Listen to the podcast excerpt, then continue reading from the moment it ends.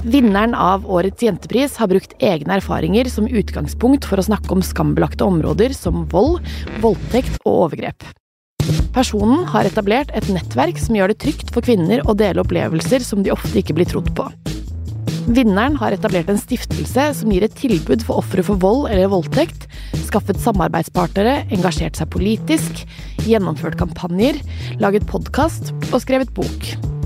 Personen har utmerket seg ved å løfte frem saken, ikke seg selv som privatperson, og har kontinuerlig videreutviklet stiftelsens tilbud. Vi håper at prisen vil bidra til å motivere for videre arbeid, og at myndighetene setter større fokus på vinnerens kampsak.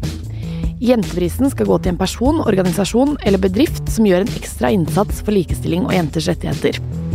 Dette var ordene som juryen brukte som begrunnelse for Jenteprisvinneren 2023. Mitt navn er Pernille Kjølberg Vikørn. Dette er F-ordet, en podkast laget i samarbeid med Plan.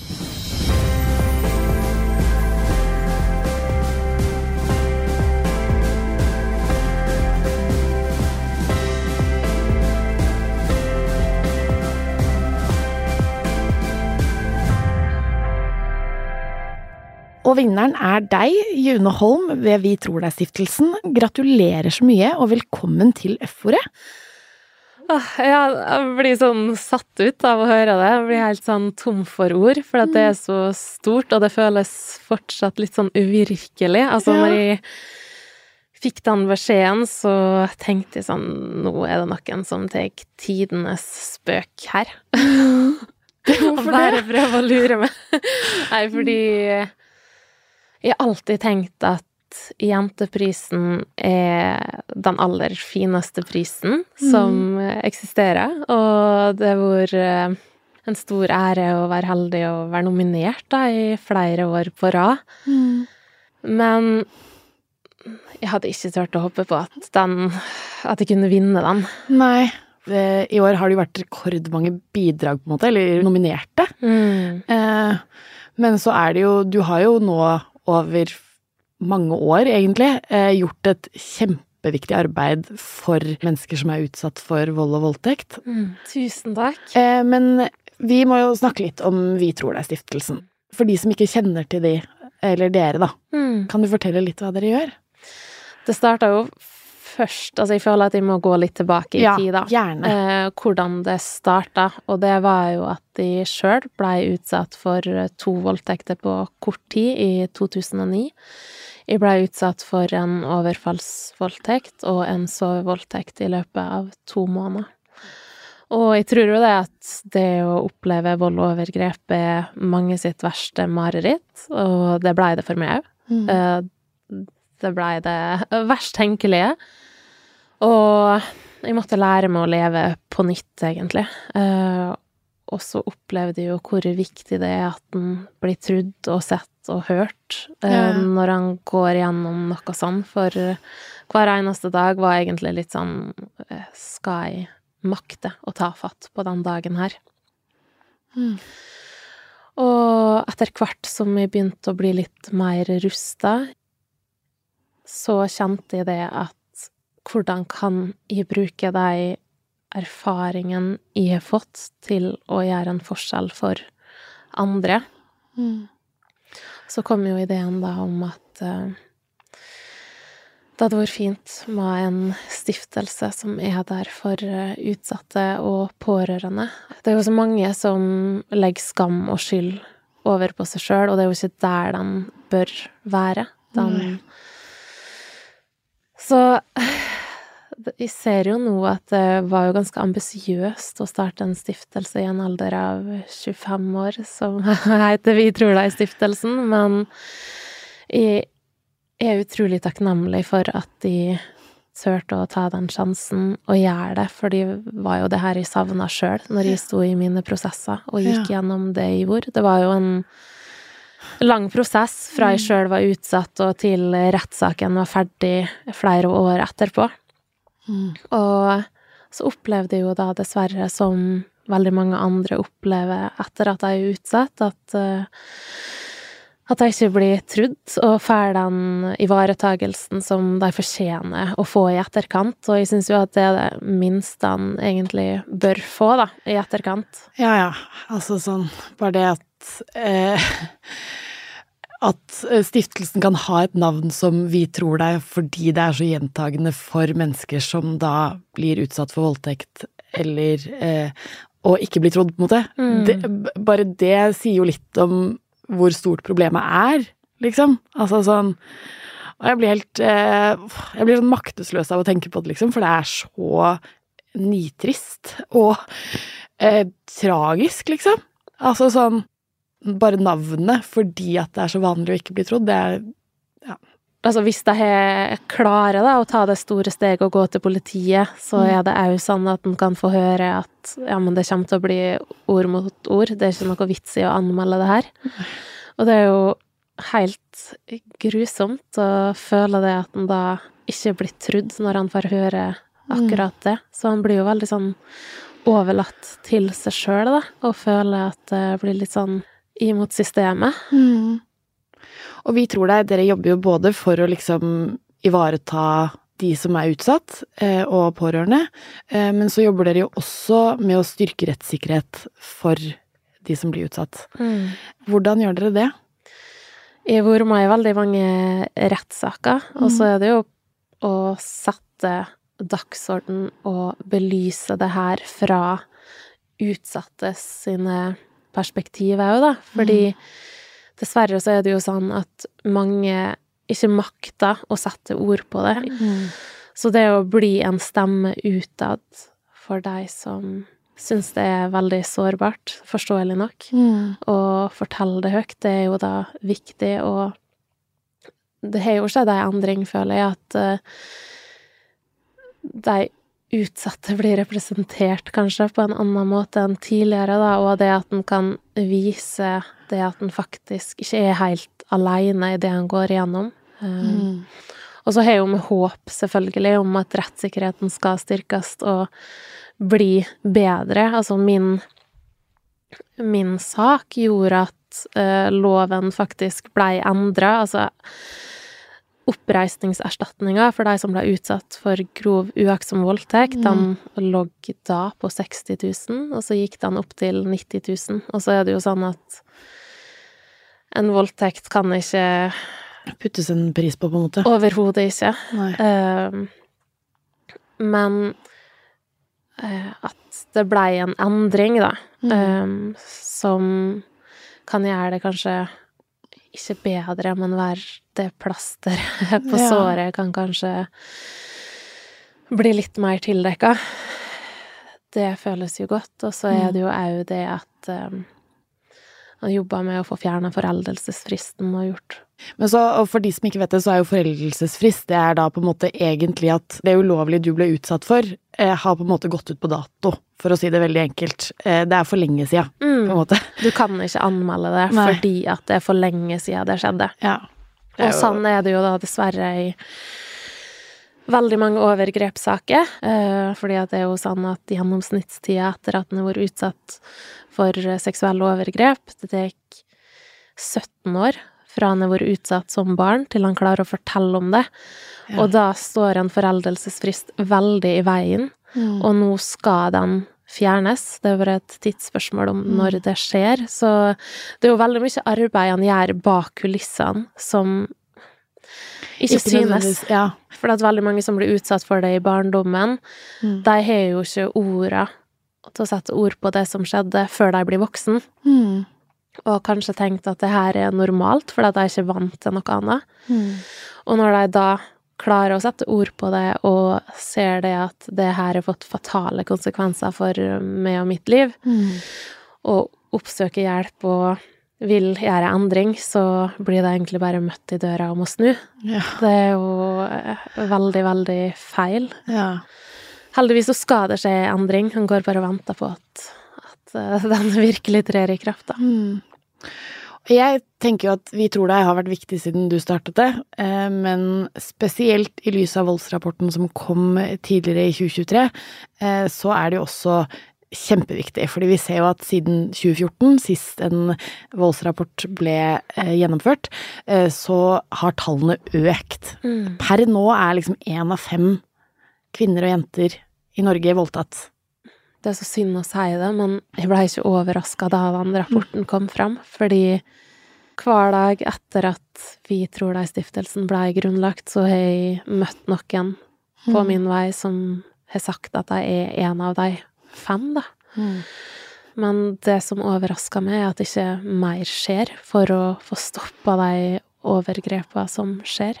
Mm. Men det må forebygges, og det må forhindres, og når det blir så svart på hvitt, da, som i den rapporten, så ser han jo det at uh, får jo sånn kamplyst i seg. At Ja. han bare kjenner at her må jeg stå på dag og natt og prøve å gjøre det han kan, for hvert overgrep er jo et overgrep for mye. Og sjøl om jeg kan stå opp for meg sjøl og snakke den saken her, så er det veldig mye bak kulissene som ikke synes òg, fordi at Mm. det koster og krever mye å leve i etterkant av et overgrep òg. Ja, ja, ja. Og bare det at eh, du må jo hele tiden på en måte retraumatisere deg selv på et vis, og eh, vi har en sånn rar eh, måte at vi skjønner ikke helt hva problemet er før vi hører noens på en måte dype historie om det. Eh, men så blir det jo Det er jo ikke Det er jo ikke på en måte en sånn eh, lett å komme på jobb og Det krever jo en del, da. Jeg tror det er veldig mange som går i en sånn overlevelsesmodus, og kanskje tar på seg maske i håp om å late som at alt er normalt, men så skriker jo egentlig alt på innsida at eh, det er ikke normalt i det hele tatt. Du mm. står ovenfor normale reaksjoner etter å ha blitt utsatt for en unormal situasjon. Ja. Og så går det til en viss grad kanskje å leve med det en liten periode med den maska og med det overlevelseinstinktet, men så Det kan komme til et bristpunkt òg, da. Og det har jeg vært gjennom noen ganger, og det vet jeg veldig mange andre har kommet til, at det, går plutselig ikke an å leve som man har gjort før lenger, fordi at uh, han eh, står i en sånn fight, uh, flight and freeze response, da, som han plutselig Han har tatt sånne ting for gitt tidligere, før han er blitt utsatt for det, og så plutselig må han lære seg å leve litt på nytt med ja, angst og frykt og redsel, og at han han har kjent på kroppen hvordan det kan være å være utsatt for overgrep, og da er han veldig redd for å oppleve det igjen, da. Mm. Og nå har du jo vunnet Jenteprisen. Eh, hva betyr det for Vi tror deg, og for deg? tenker umiddelbart at det betyr egentlig alt, skulle jeg si. At eh, han gjør jo veldig mye som ikke blir synlig utad, fordi at eh, det tar tid, da, før han kan endre lover, før han kan sette det på dagsorden sånn han ønsker, um, og følge opp mennesket i samtaler, uh, i møte. mm. men å få en sånn anerkjennelse og vite det at uh, det har gjort en forskjell eh, At den tematikken her blir tatt på alvor, fordi at det er i så mange situasjoner at eh, de som blir utsatt, føler at de ikke blir trudd, sett og hørt. Men jenteprisen, den er virkelig til alle som blir utsatt. Og det er en sånn stor En utrolig stor anerkjennelse på at eh, at jenteprisen òg er for alle som er utsatt for vold og overgrep, da. Mm. Ja, nei, det er skikkelig fint. Og så ser man jo, har man jo sett på tidligere vinnere at eh, det å få Jenteprisen, eh, det betyr jo mye for spredning. Eh, og spredning er jo viktig, fordi hvis ikke folk vet om at noe fins, så vet de det ikke, på en måte. Mm. Jenteprisen er jo med på å sette dagsorden der, og det å vise viktigheten av å kjempe for eh, jenters eh, likestillingsvilkår og rettferdighet. Det føles òg som en sånn, et stort, viktig fellesskap og en kampanje eh, rundt det å sette dagsorden, for det skjer så mye urettferdighet. Men må å vise at en står opp for seg sjøl og altfor mange andre, så en med på å gjøre en forskjell, og Jenteprisen er en så viktig, stor og nødvendig pris, da. Ja, absolutt. Um, men nå har jo du Altså, oktober har jo vært ganske eh, travelt for deg så langt. Fordi du har da sagt opp jobben din, eh, og skal nå jobbe med Vi tror det er på fulltid. Ja, altså bok, da. Ja. Eh, så skal kombinere arbeidet med Vi tror deg-stiftelsen Mm. og aborttematikken. Mm. For jeg har akkurat gitt ut boka Avbrutt, fortellinger Mm. om abort. Og begge deler er jo noe jeg engasjerer meg stort for, men jeg så at det var viktig å ha et annet engasjement òg ved siden av Vi tror deg. Um, Fordi at det, det er jo en tøff, tung tematikk. Absolutt. Og det er absolutt abort òg, men det får litt variasjon, og det tror jeg er sunt for meg, da. Ja. Men begge deler handler jo om alt det Jenteprisen står for. Mm. For den, ja, 21. september ga du ut bok om eh, abort, eh, abortfortellinger. Mm. Kan du fortelle litt om boka? Ja, jeg skrev boka sammen med min gode venninne Vilde Bratland Hansen, og det var jo en idé som kom etter at jeg sjøl gikk gjennom en abort i 2019, for jeg så Mm. at det var en veldig ensom prosess å ta abort, og så ble jeg så overraska over at det jo var et sånt underkommunisert og tabubelagt tema, i likhet med overgrep. Og så blir jeg litt sånn trigga når jeg ser at dette her er noe som så mange går gjennom og opplever, og så snakker vi ikke om det. Hvorfor lærer vi ikke mer om det? Hvorfor snakker vi ikke mer om det? Og jeg savna veldig ei bok da, i den abortprosessen jeg sjøl sto i, Mm. og så begynte jeg å google om jeg fant den boka, men det gjorde jeg ikke. Så da kom jo ideen til, og i etterkant av det så har vi snakka med over 200 kvinner som har ulike abortfortellinger, Mm. og fagpersoner da, på feltet. Så vi har jo da skapt ei bok som tar for seg egentlig alt innenfor abort, både provoserte aborter og spontanaborter. Mm. Og ikke minst altså sånn både de historiene til kvinnene, men også helsepersonellperspektivet. Hva er det som faktisk skjer?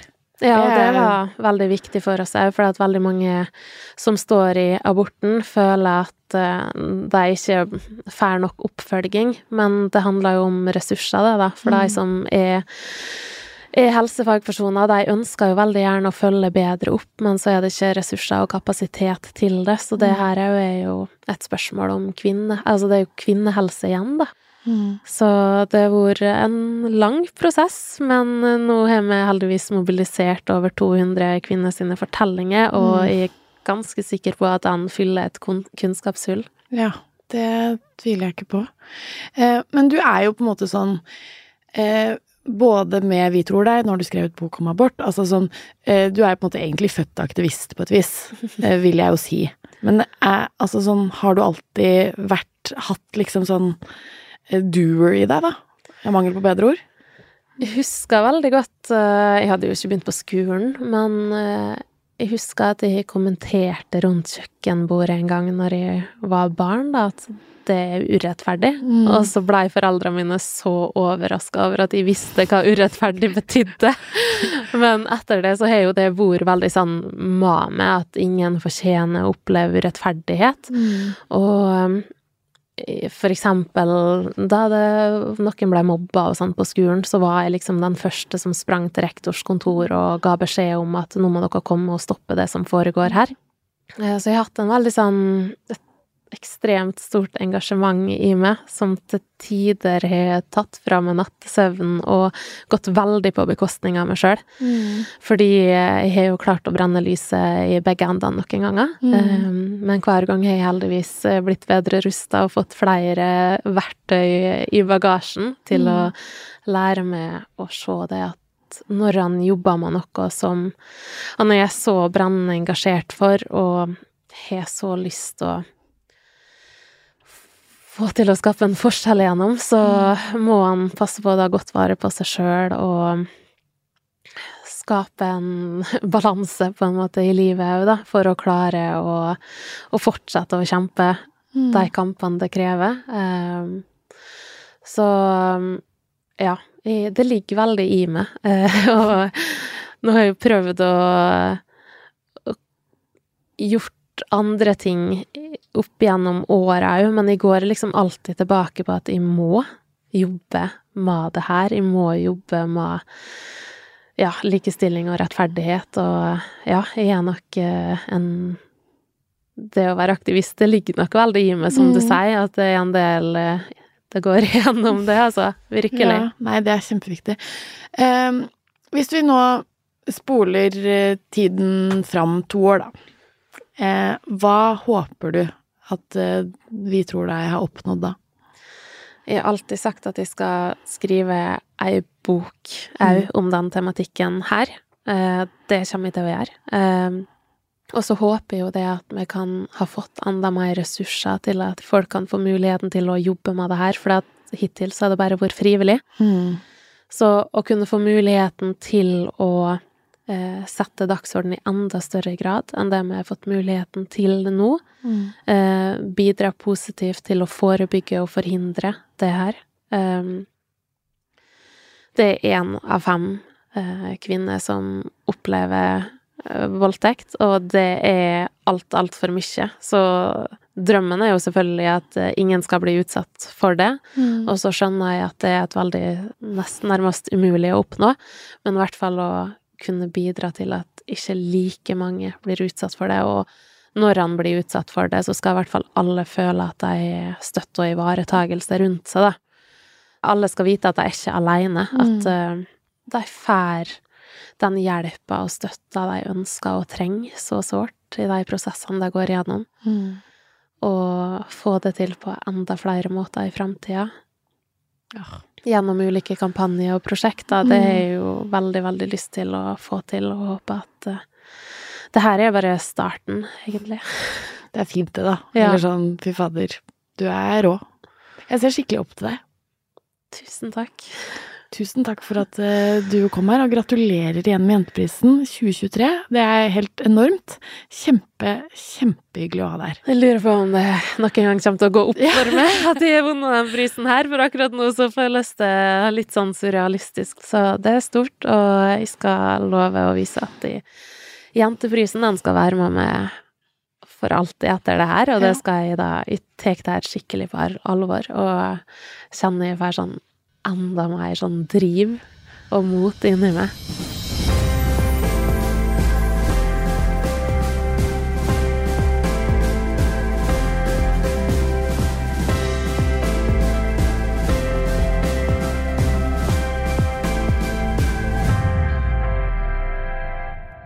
F-ordet er produsert av Monster Podcast i samarbeid med Plan International Norge.